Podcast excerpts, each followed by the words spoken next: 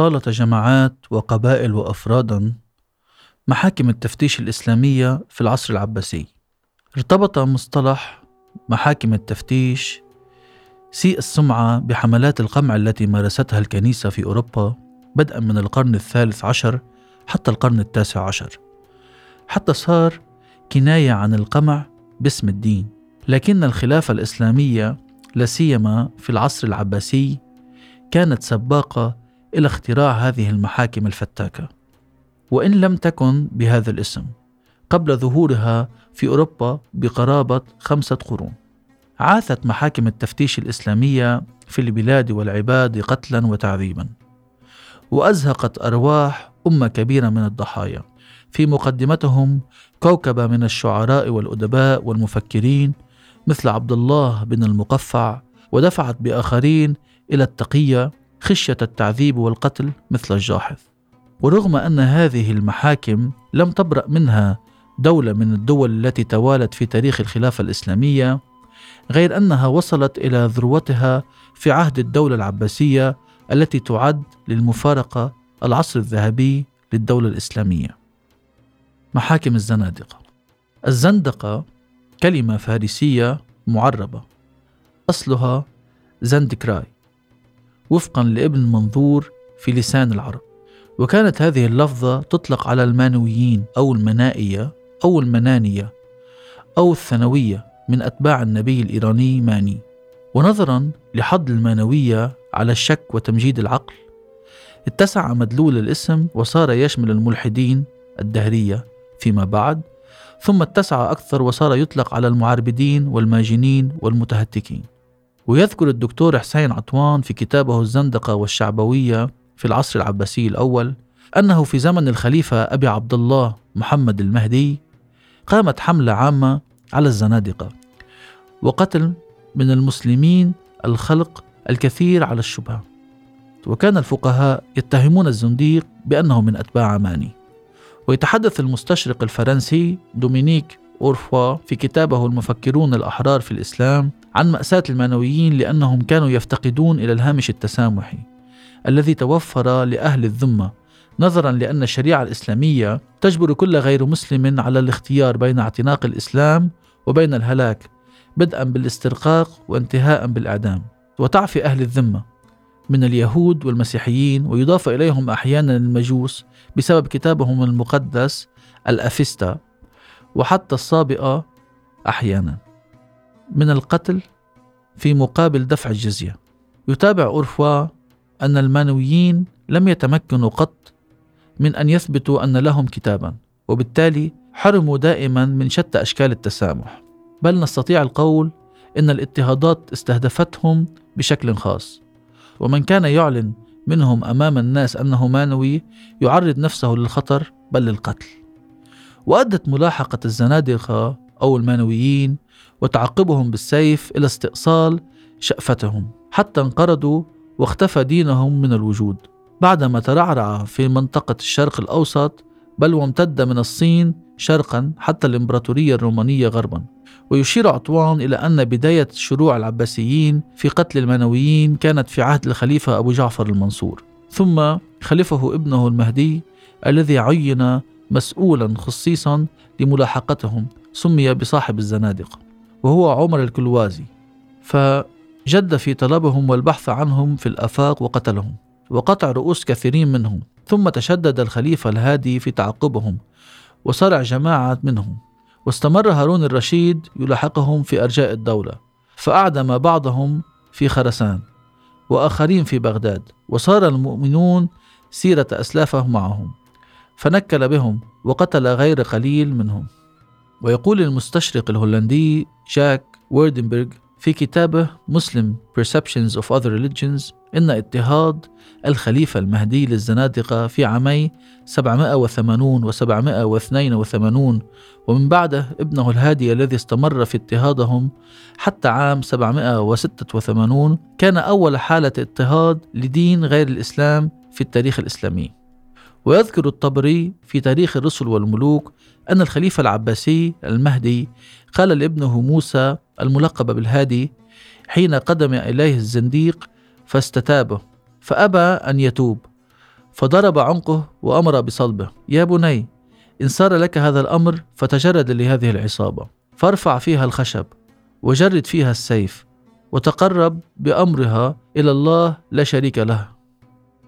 وبعد عشرة أشهر من جلوس الهادي على العرش يذكر الطبري أنه قال أما والله لأن عشت لأقتلن هذه الفرقة كلها حتى لا أترك منها عينا تطرف.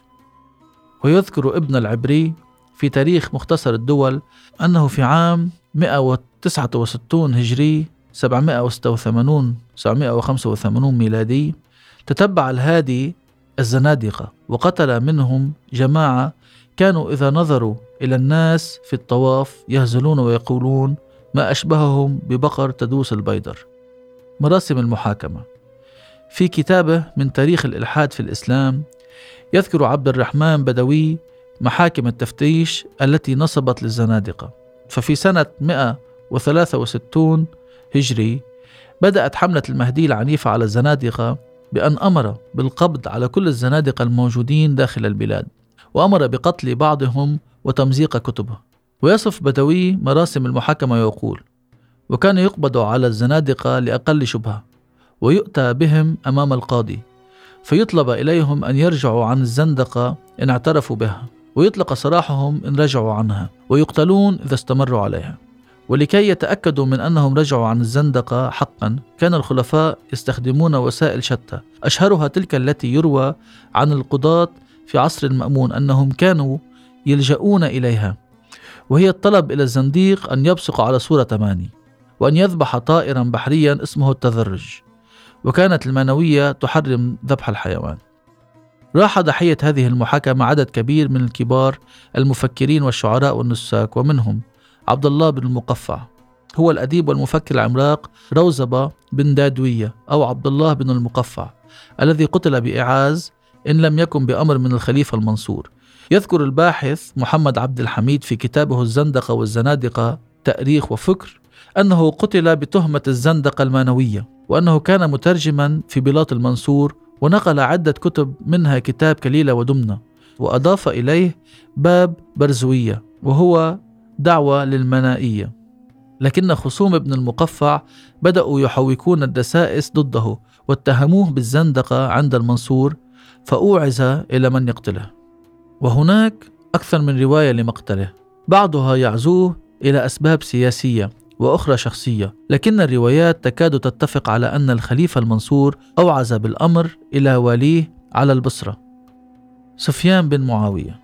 ويذكر ابن خلكان في وفيات الأعيان وأنباء أبناء الزمان أن ابن المقفع لما دخل على سفيان أمر الأخير بإيقاد تنور ثم أمر بابن المقفع فقطعت أطرافه عضوا عضوا وهو يلقيها في التنور وهو ينظر حتى أتى على الجميع جسده ثم أطبق عليه التنور وقال ليس علي في المثله بك حرج لأنك زنديق وقد أفسدت الناس. غير أن مؤرخ الأديان الفرنسي ميشيل تارديو يذهب في كتابه المانوية إلى أنه اتهم بالزندقة سنة 759 ميلادي ومات في السجن.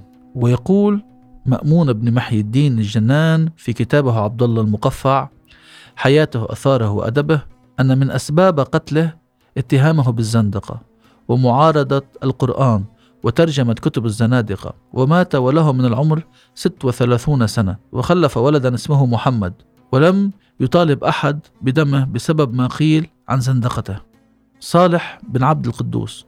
هو الشاعر الحكيم صالح بن عبد القدوس الذي قتل عام 784 ميلادي وكان من المتكلمين في البصرة.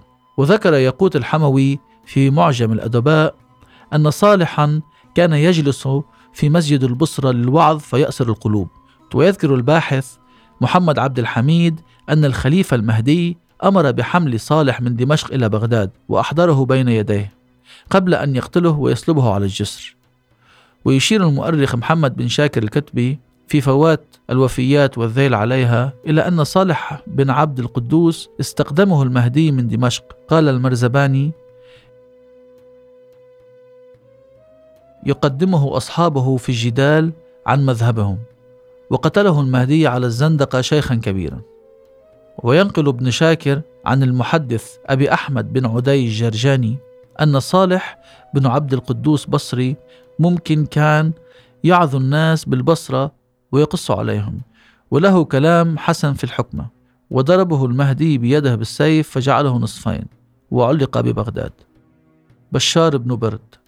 هو الشاعر الكبير بشار بن برد كان أحد أنبغ شعراء العربية رغم أن أصوله فارسية ويؤكد المحقق مهدي محمد ناصر الدين في كتاب شرح ديوان بشار بن برد في ذكر مقتله. أجمع الرواة أنه مات مقتولا بأمر من الخليفة المهدي حيث رماه بالزندقة. ويذكر في حادثة قتله أن الخليفة المهدي عندما زار البصرة مر بدار بشار الذي كان على سطح بيته سكرانا. فعلم بحضور المهدي وخاف أن يراه على حالة من السكر. فراح بشار يؤذن فقال المهدي من هذا الذي يؤذن في غير الوقت؟ قالوا بشار. قال علي به.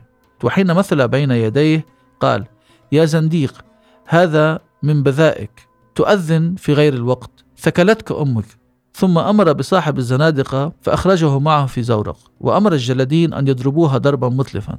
وضرب سبعين صوتا حتى مات وألقي من على السفينة فحمله الموج إلى شاطئ البصرة. وهكذا قتل الخليفة المهدي في عام واحد اثنين من أعظم شعراء العربية بتهمة الزندقة. عبد الكريم بن أبي العوجاء. يذكر الباحث محمد عبد الحميد أنه تتلمذ على الحسن البصري. واعتبره أبو الفرج الأصفهاني أحد الستة من أصحاب الكلام آنذاك في البصرة. وكان له تلاميذ ومريدون ليسوا بالقلة. ووصفه أبو منصور الثعالبي بصاحب المظهر الأنيق والشكل الجميل واللهجة الفصيحة وكان من ظرفاء زمانه وكان صديقا لابن المقفع. وقال عنه المحدث الشيعي محمد بن يعقوب الكليني إنه رجل شجاع جريء لا يتراجع عما يعتقده ويدافع عنه حتى الموت. وكان يعتقد بأنه لا معاد بعد الموت. وقال الجاحظ كان ينكر النبوة عامة وينكر رسالة الرسول الأكرم ونسب إليه المسعودي كتابا في تأييد الدين المانوي يذكر عبد الحميد أن محمد بن سليمان والي الخليفة المنصور على الكوفة قبض عليه لوشاية وصلته بأنه كان ينشر مذهبه بين الأحداث الشباب ويدخلهم فيما هو فيه من خبث المعتقد. وهو ما يذكرنا بنفس التهمة التي وجهت إلى سقراط وكان ذلك سبب قتله. بل إن الأديب المفضل الضبي كان يعده دهريا وأقرب إلى فلاسفة اليونان. فقد كان ينفي الصانع ويقول إن الأشياء تتكون من ذاتها بإمهال فلا صانع ولا مدبر وعلى هذا كانت الدنيا ولم تزل.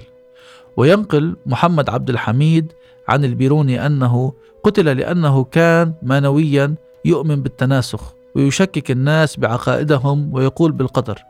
وهو ما يؤكده المستشرق الفرنسي أورفوا الذي يقول إن ابن أبي العوجاء أعدم عام 772 ميلادي بتهمة الزندقة وكان يهاجم الإسلام لصالح المنوية وطرح مشكلة الشر والألم الإنساني في ميزان العدالة الإلهية.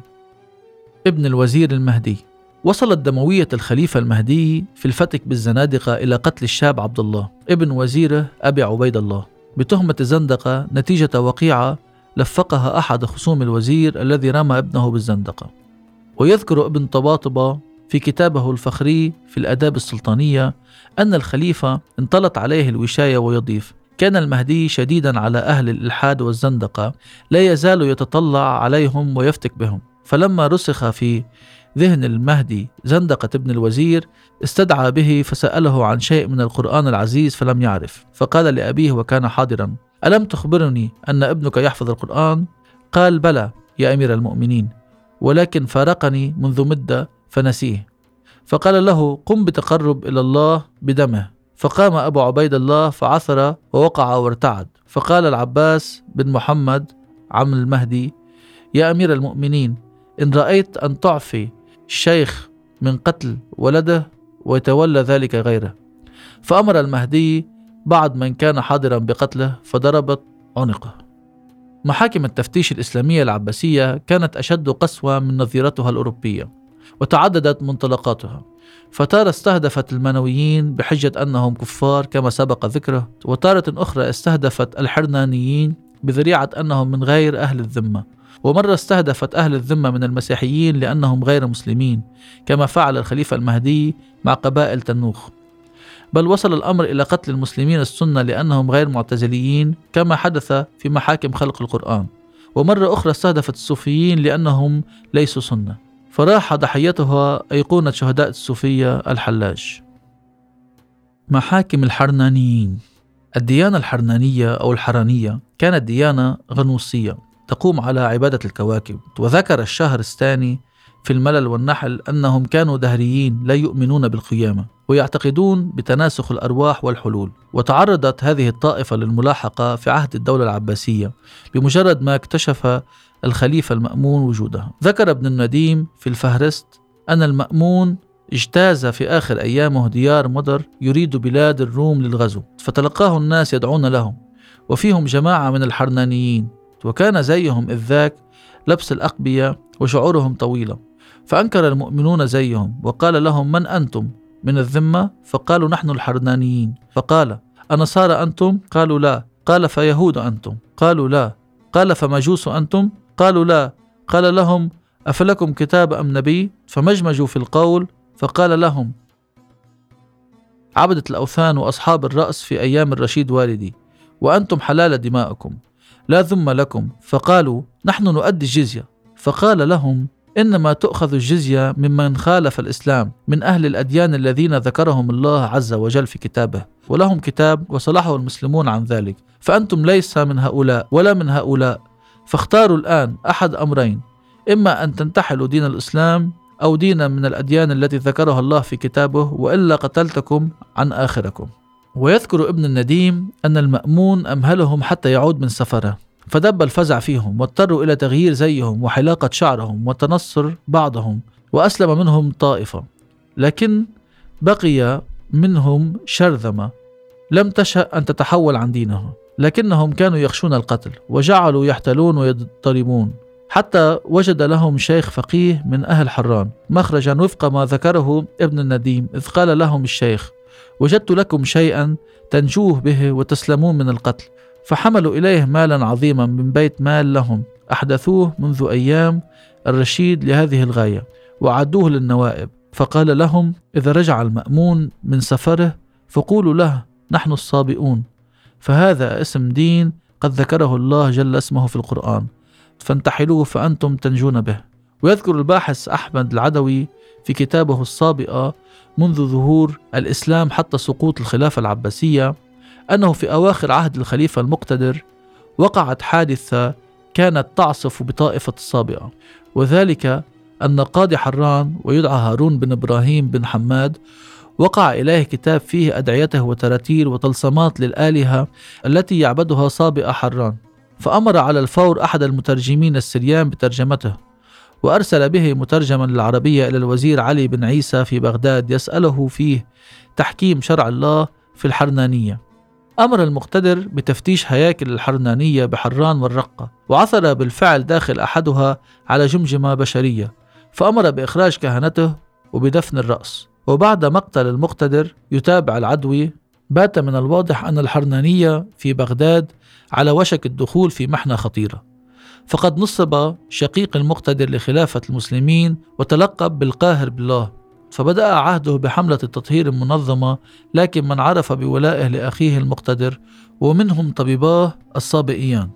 ويستدرد العدوي لم يلبث القاهر بالله أن أقدم على خطوة خطيرة بدون مقدمات معروفة فقد استفتى الفقهاء في أمر قبول الجزية مجددا من صابئة حران فأتاه اثنان من كبار فقهاء الشافعية في عصره وهما أبو سعيد الأسطخري وأبو الحسن المحاملي بعدم قبول الجزية إلا من أهل الكتاب الذين ذكرهم القرآن الكريم وأن الصابئة قوم لا ذم لهم لأنه تبين لهما أنهم يخالفون اليهود والنصارى وأنهم يعبدون الكواكب والنجوم ويعتقدون أنهم آلهة مدبرة ومن ثم يعرضون على السيف فإن أبو الإسلام يقتلون.